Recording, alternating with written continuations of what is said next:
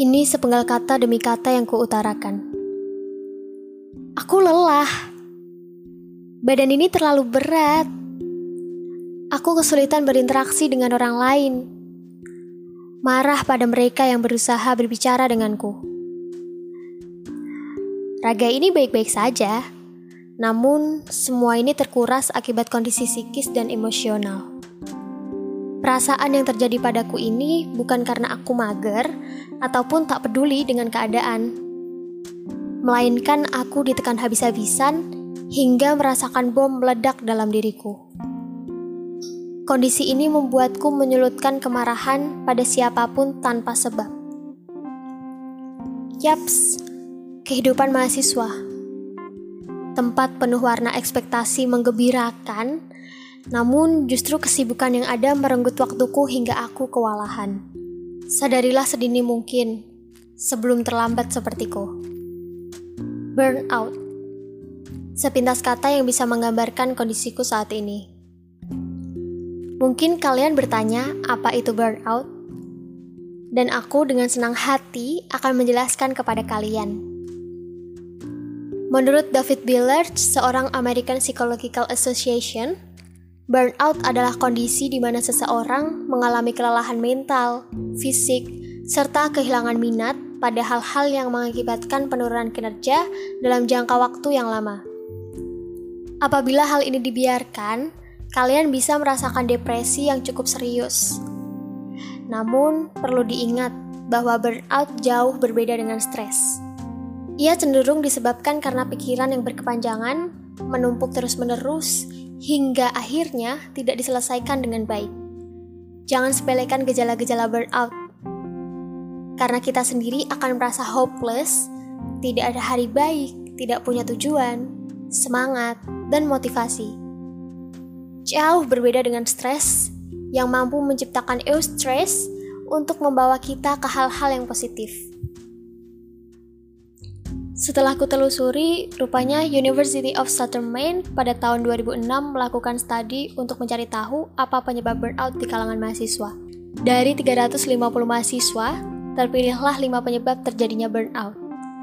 Salah satunya adalah beban mengambil SKS berlebihan, mental health, rendahnya motivasi diri, faktor lingkungan, dan juga faktor dosen. Selain itu, tekanan atau pressure yang kita hadapi juga bisa menjadi penyebab lain dari burnout. Lingkungan pertemanan dalam kampus yang toksik juga bisa membuatmu seperti ini. Bisa jadi juga ada banyak dari kalian memiliki tuntutan dari segi keluarga yang membuat enggan bercerita.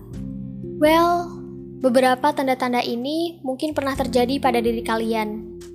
Namun, perlu diingat, jangan jadikan ini sebagai acuan tanda-tanda ini benar menunjukkan kamu burnout. Tetaplah lakukan konsultasi psikologi dan jangan buat keputusan sepihak atau self-diagnose. Dilansir dari Rescue Time, ada tiga aspek penting dari tanda-tanda kamu mengalami burnout. Pertama, tanyakan pada dirimu apakah saat kamu bangun selalu merasa kelelahan, kemudian bergerak lambat dan butuh waktu lama, serta menguras energi lebih banyak dari biasanya. Yang kedua, kamu menjadi lebih cepat marah, kurang sabar, menyalahkan orang sekitar, selalu mencari alasan di setiap kesibukan, tidak memiliki semangat mengerjakan tugas dan kegiatan yang biasanya kamu nantikan, bahkan kamu takut menghadapi hari esok. Yang ketiga, segala aktivitas yang dilakukan serasa tidak penting lagi. Kamu kesulitan mengerjakan job desk yang diberikan kepadamu, bahkan merasakan beban tugas yang lebih berat dari biasanya, sampai-sampai kamu kewalahan akan tanggung jawab yang dipercayakan padamu. Lantas, apa aja sih yang harus kita lakukan, termasuk aku sendiri, dalam mengatasi tanda-tanda itu? Hal mudah yang paling mungkin dilakukan adalah menghindari hal-hal yang memicu burnout. Dalam konteks mahasiswa, janganlah kalian mengambil beban SKS yang tidak sesuai dengan kemampuan. Bagilah komitmen kalian dengan organisasi, part-time, merintis usaha, dan keluarga untuk kenali potensi diri sendiri dan tidak merasa terpuruk dengan keadaan. Cara kedua yang bisa dilakukan adalah sesegera mungkin carilah teman yang bisa membantu dalam hal akademis menyelesaikan tugas secara sedikit demi sedikit, namun tetap meluangkan waktu sedikit bagi tubuhmu untuk pulih sejenak. Kalian bisa juga melakukan beberapa kegiatan relaksasi seperti olahraga secara rutin, mengatur pola tidur yang cukup, untuk mengalihkan pikiran dan juga membuat tubuh lebih bugar serta kesehatan pun tetap terjaga. Satu reminder untuk kalian. Kadar hormon bahagia seperti serotonin itu bisa didapat ketika kalian mampu mengapresiasi diri.